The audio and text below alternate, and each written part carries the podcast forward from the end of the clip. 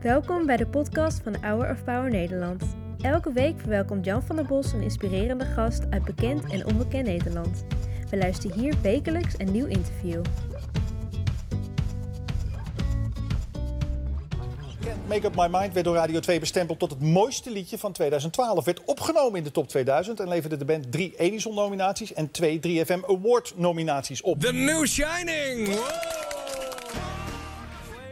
Into light, learning to swim in a sea of emotions.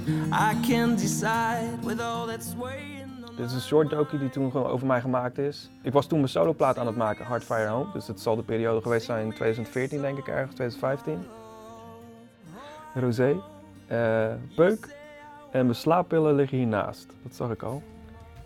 Dus, en die, over, op een gegeven moment slikte ik die overdag ook om maar gewoon kalm te blijven. Het is echt alsof ik naar iemand anders kijk. Het is eh, alsof je die die persoon op dit moment wil vertellen, gast, schuif je, schuif je plafond open en zie die lichtstraal. Ja, ik heb dat met eh, verbazing zitten bekijken. Dat is redelijk heftig.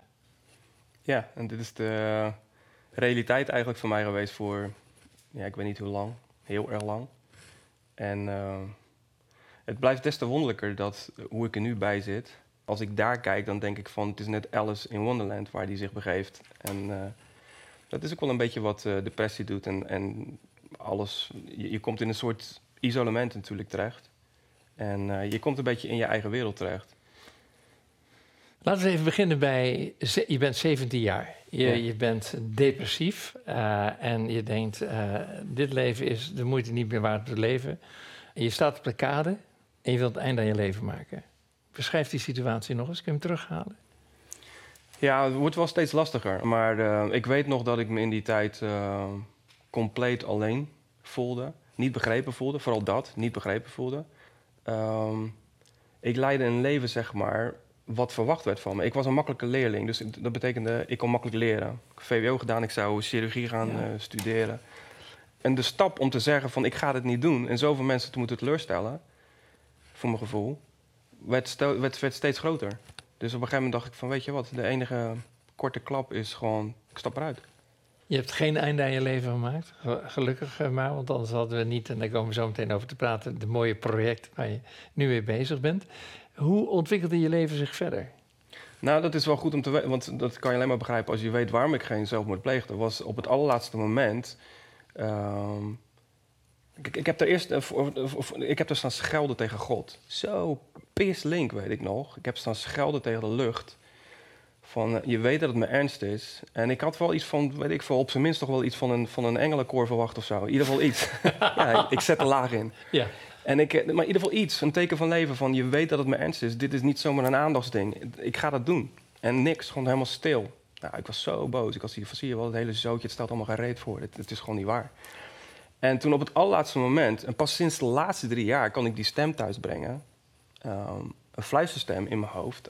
Als je toch al dood bent, kun je net, net zo goed kiezen voor iets wat je altijd hebt willen doen. Wat zou dat zijn? En toen dacht ik muziek maken, muziek maken. Ik zou heel graag. Ik wist helemaal niet of ik muziek kon maken. Ik speelde niks. Ik, eh, ja, een beetje af en toe eens een kampvuur eh, gitaartje, maar Ja. niks van. eh. Toen heb ik mezelf een jaar gegeven. Toen heb ik gezegd van oké, ik geef mezelf een jaar. Als ik blijk dat ik aanleg heb, dan ga ik dit pursueren, dan ga ik dit doen. En dan kijk ik wel waar het uitkomt. Nou, en dat ging eigenlijk zo goed. En ik bleek aandacht te hebben voor muziek schrijven ook. Dus na spelen ook nog schrijven. Ik had in no time een band. Ging het hard mee ook gelijk. En, Schrijven dat je vooral s'nachts, hè? Ja, ik leefde eigenlijk alleen maar s'nachts. Je dompelt die helemaal onder in die muziekwereld. Ja. Met eh, drugs, drank, rock'n'roll. Elke stadje een ander schatje, toch? Zo was je toch? Ja. Ja, ja, de drugs waren bij mij medicijnen. ja. Ik slukte eh, om, te kunnen, om vier uur te kunnen slapen, dus zonder overdrijven. Dan, en dan schat ik het voorzichtig, dan slikte ik acht slaappillen. En als ik wakker werd, begon ik weer met het slikken van slaappillen. Het is een wonder dat ik nog leef, want ehm, Ik ik heb mensen die acht slaappillen nemen dan niet meer en nooit meer wakker worden. Nee. Zo, het, maar zo zou het eigenlijk ook moeten zijn. Ja, Maar probeer het te begrijpen. Ik had al afscheid genomen van het leven, dus ik was al dood. ja. Voor mijn gevoel. Dus ik leefde in geleende tijd. Mijn enige, mijn enige missie was, was eh, de beste muzikant ooit te worden. Dus het zat, dat, dat- letterlijk alsof de duivel op, op mijn hielen zat. Ik had ook nooit rust. Ik had, eh, Als je me niet kon bijbenen, jammer dan. Later. Weg. Ja. ja. Beschrijf eens die depressiviteit van je. Hoe zag die eruit? Als ik depressief was, dan kwam ik in een vacuüm, een void, een leegte. En die leegte was zo adembenemend, zo alles overheersend, dat het me compleet lam legde. En dat ik ook niet meer zag wat het leven voor nut had, eh, wat alles voor nut had. En het enige wat ik in die periode kon, en dat is altijd de rode draad in mijn leven geweest, was muziek maken. Ik zie je de hele tijd, het fascineert me. Ik zie een veer en wat zie ik dan nog meer? Je ziet een veer en onder deze toestand zitten kraaien, zeg maar. Dus, Wil je even eh, laten zien? eh, ja, ik hem af ook. Kijk, eh, veer. Ja? Nou, hier komen kraaien uit. Dat, ik wilde vroeger ornitholoog worden, by the way. Ik kan dus zien aan de vorm dat het kraaien zijn. Ik weet niet of jij het kan zien. Maar, Ja. En hieruit komen duiven. Eh, kraaien staan natuurlijk voor zwart, voor de nou ja, donkerte. En mijn wens was altijd dat het duiven zou worden. Weet je wel, licht of zo. En boy did that happen, zeg maar. Want drie jaar geleden gebeurde het. Ja. Wat gebeurde er? Poeh. Waarvoor zeg je poe? Ja, het is zoveel wat hij heeft gedaan. En het is zo... Hij. Ja, papa, daddy. Ja. En, ehm, maar als ik het in een korte versie eh, samenvat, dan... ehm, ik zat in de ergste depressie tot dan toe. Echt, ik was com- compleet van God los. Dat was ik ook echt. Ik was helemaal... Ik was kapot, ik was verrot, ik was... Nou, de ergste depressie tot dan toe. En... ehm, en ik zat uh, s'nachts, ik weet niet meer waarom. Ik, zat, ik kijk nooit YouTube. En ik zat op YouTube en ik zag een, een, een uitzending van een priester. En die had een studie gedaan naar bijna doodervaringen. En die had eh, over de periode van 30 jaar had hij 30.000 eh, ervaringen wereldwijd had hij, eh, gedocumenteerd. En die beste man die had voor zijn gevoel bewezen... A, dat er een hiernamaals was door zeg maar, dat de meeste mensen die die ervaring hadden gehad, die hadden het over een God, over een Jezus. Of, en, en ook over dezelfde bergen, dezelfde graslanden. En hij had bewezen dat voor, voor zichzelf, vond hij, dat er een ziel was. En Ja. die man zat verhalen te, te vertellen. En ik werd de partij ongemakkelijk, Jan. Want ik had zoiets van, oké, één mens kan het verzinnen, twee mensen kunnen het verzinnen. Maar als er zoveel mensen zijn, we hebben een ziel. Waar gaat het ding heen? Ja, dat vroeg ik me af. Waar gaat het ding heen? En als er een ziel is, dikke kans dat, dat er een hiernamaals is. En als het hiernamaals er is, wie zit daar dan? Dus ik ging daarover nadenken in mijn depressie. Het was niet dat ik in één keer God had gevonden. Maar ik ging daarover nadenken en zeg maar, de radar gingen draaien. En toen was er op een nacht eh, dat ik er zo gruwelijk doorheen zat. Ik was aan het schreeuwen, ik was aan het janken. Ik was eh, weer tegen die God die, waarin ik niet geloofde, toch weer aan het schelden. En ehm, ik vind het zo mooi. Petrus zegt, eh, eh, eh, cast your sorrows. Dus weer gooi die zorgen.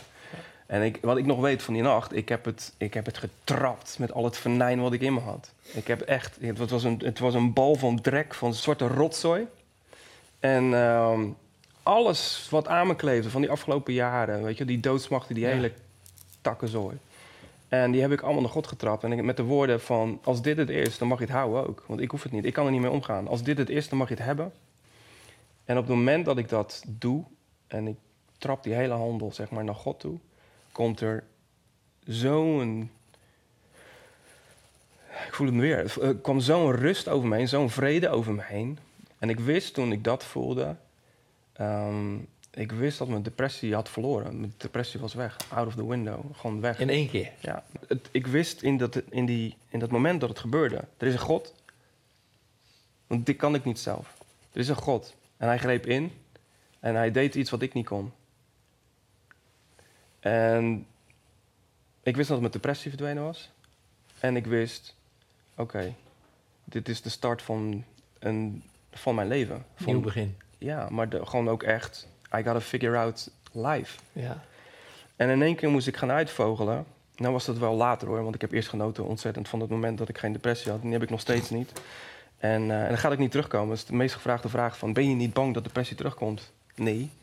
En eh, waarom niet? Ehm, omdat zolang ik bij hem blijf, weet je, Jezus zegt, als jij in mij blijft, blijf Ja. ik in jou. Ja. En zolang ik in hem blijf, eh, het, het, het is een absurde notie om te denken dat depressie dan nog terug kan sluipen. Dat gebeurt niet meer. Hij is in mij, ik blijf in hem. Pas als ik zijn hand loslaat, dan heb ik een probleem, want dan loop ik naast zijn paraplu. Ja. Ja. En dan loop ik weer in, in de regen. Ja. Ja. En dat is dan mijn eigen rotschuld. ja. Je vond God Eh, en je hoefde de muziek niet los te laten en de teksten niet los te laten. De teksten kreeg je uit de Bijbel en de muziek kreeg je van boven, want je bent nu met een paar unieke projecten bezig. Zullen we eerst eens even kijken?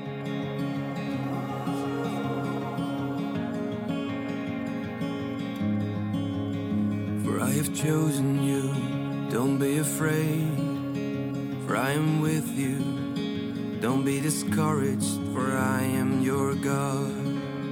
I will strengthen you and help you, I will hold you up.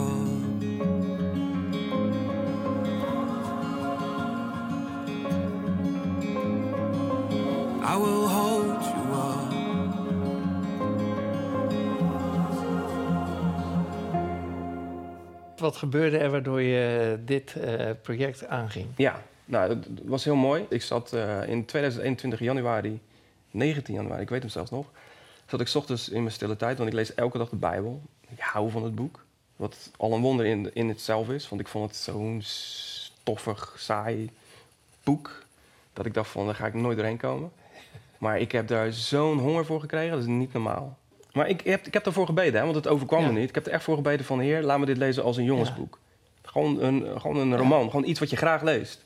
Nou man, dat is zo gebeurd. En toen zat ik in eh, januari, eh, ik zat Jezaja, Jezaja 12 te lezen. En ik hoorde een stem die zegt, gewoon heel, no nonsense, gewoon klaar, helder.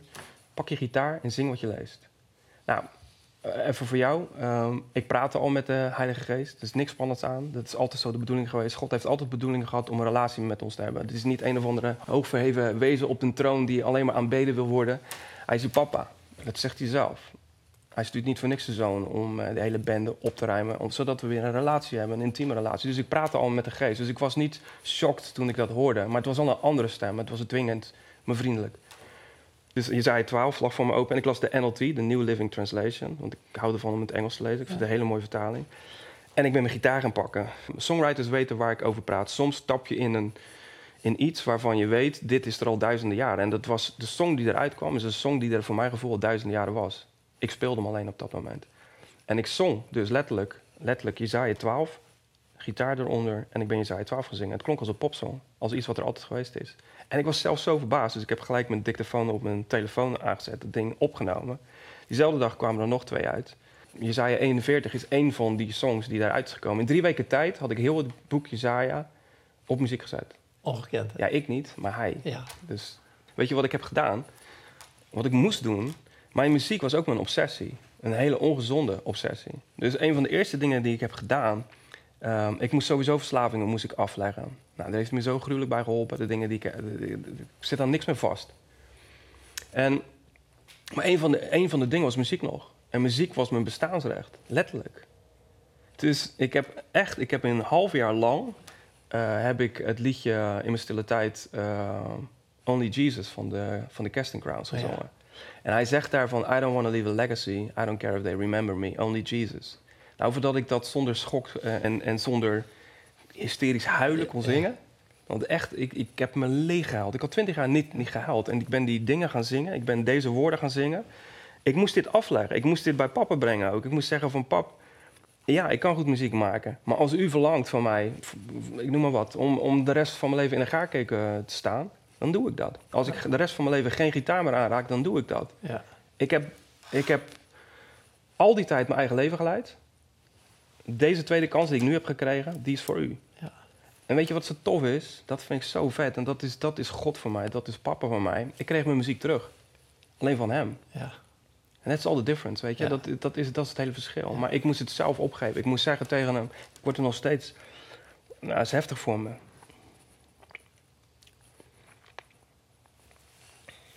Weet je, Waarom ontroert je dat?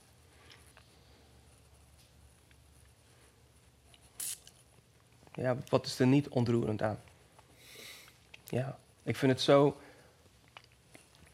Ik heb al die tijd heb ik geleefd met. ehm, zeg maar het kaartenhuis wat ik gebouwd heb. En als je muziek eronder onder vandaan haalde, dan, dan flikkerde alles in elkaar. En nu, ik was ook als de dood. Hè. Moet je je voorstellen, muziek was het enige wat ik gekend heb. Om te zeggen tegen God, neem het maar weg.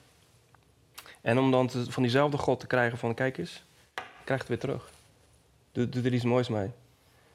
En dat heeft hij gedaan. Hij heeft, hij heeft me Project, of Love gegeven. Hij heeft me nummers gegeven, nog steeds. Het is het meest mooie wat ik ooit heb mogen maken. Het is zo mooi hoe al die dingen bij elkaar komen. Al die jaren van eh, afzien ook. Maar ook, weet je, ik kan, het, ik kan zelf produceren. Ik kan zelf mixen. Ik kan zelf instrumenten spelen.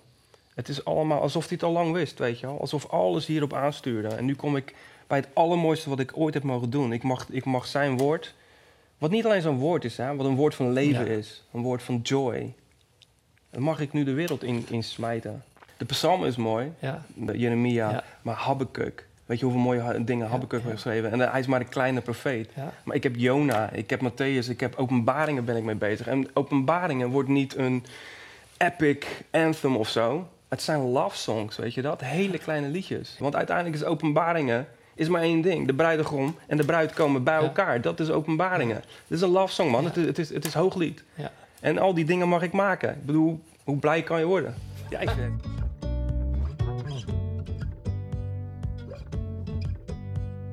Bedankt voor het luisteren naar het interview van deze week. We hopen dat dit verhaal jou heeft bemoedigd. Wil je meer weten over Hour of Power of andere interviews bekijken? Ga dan naar www.hourofpower.nl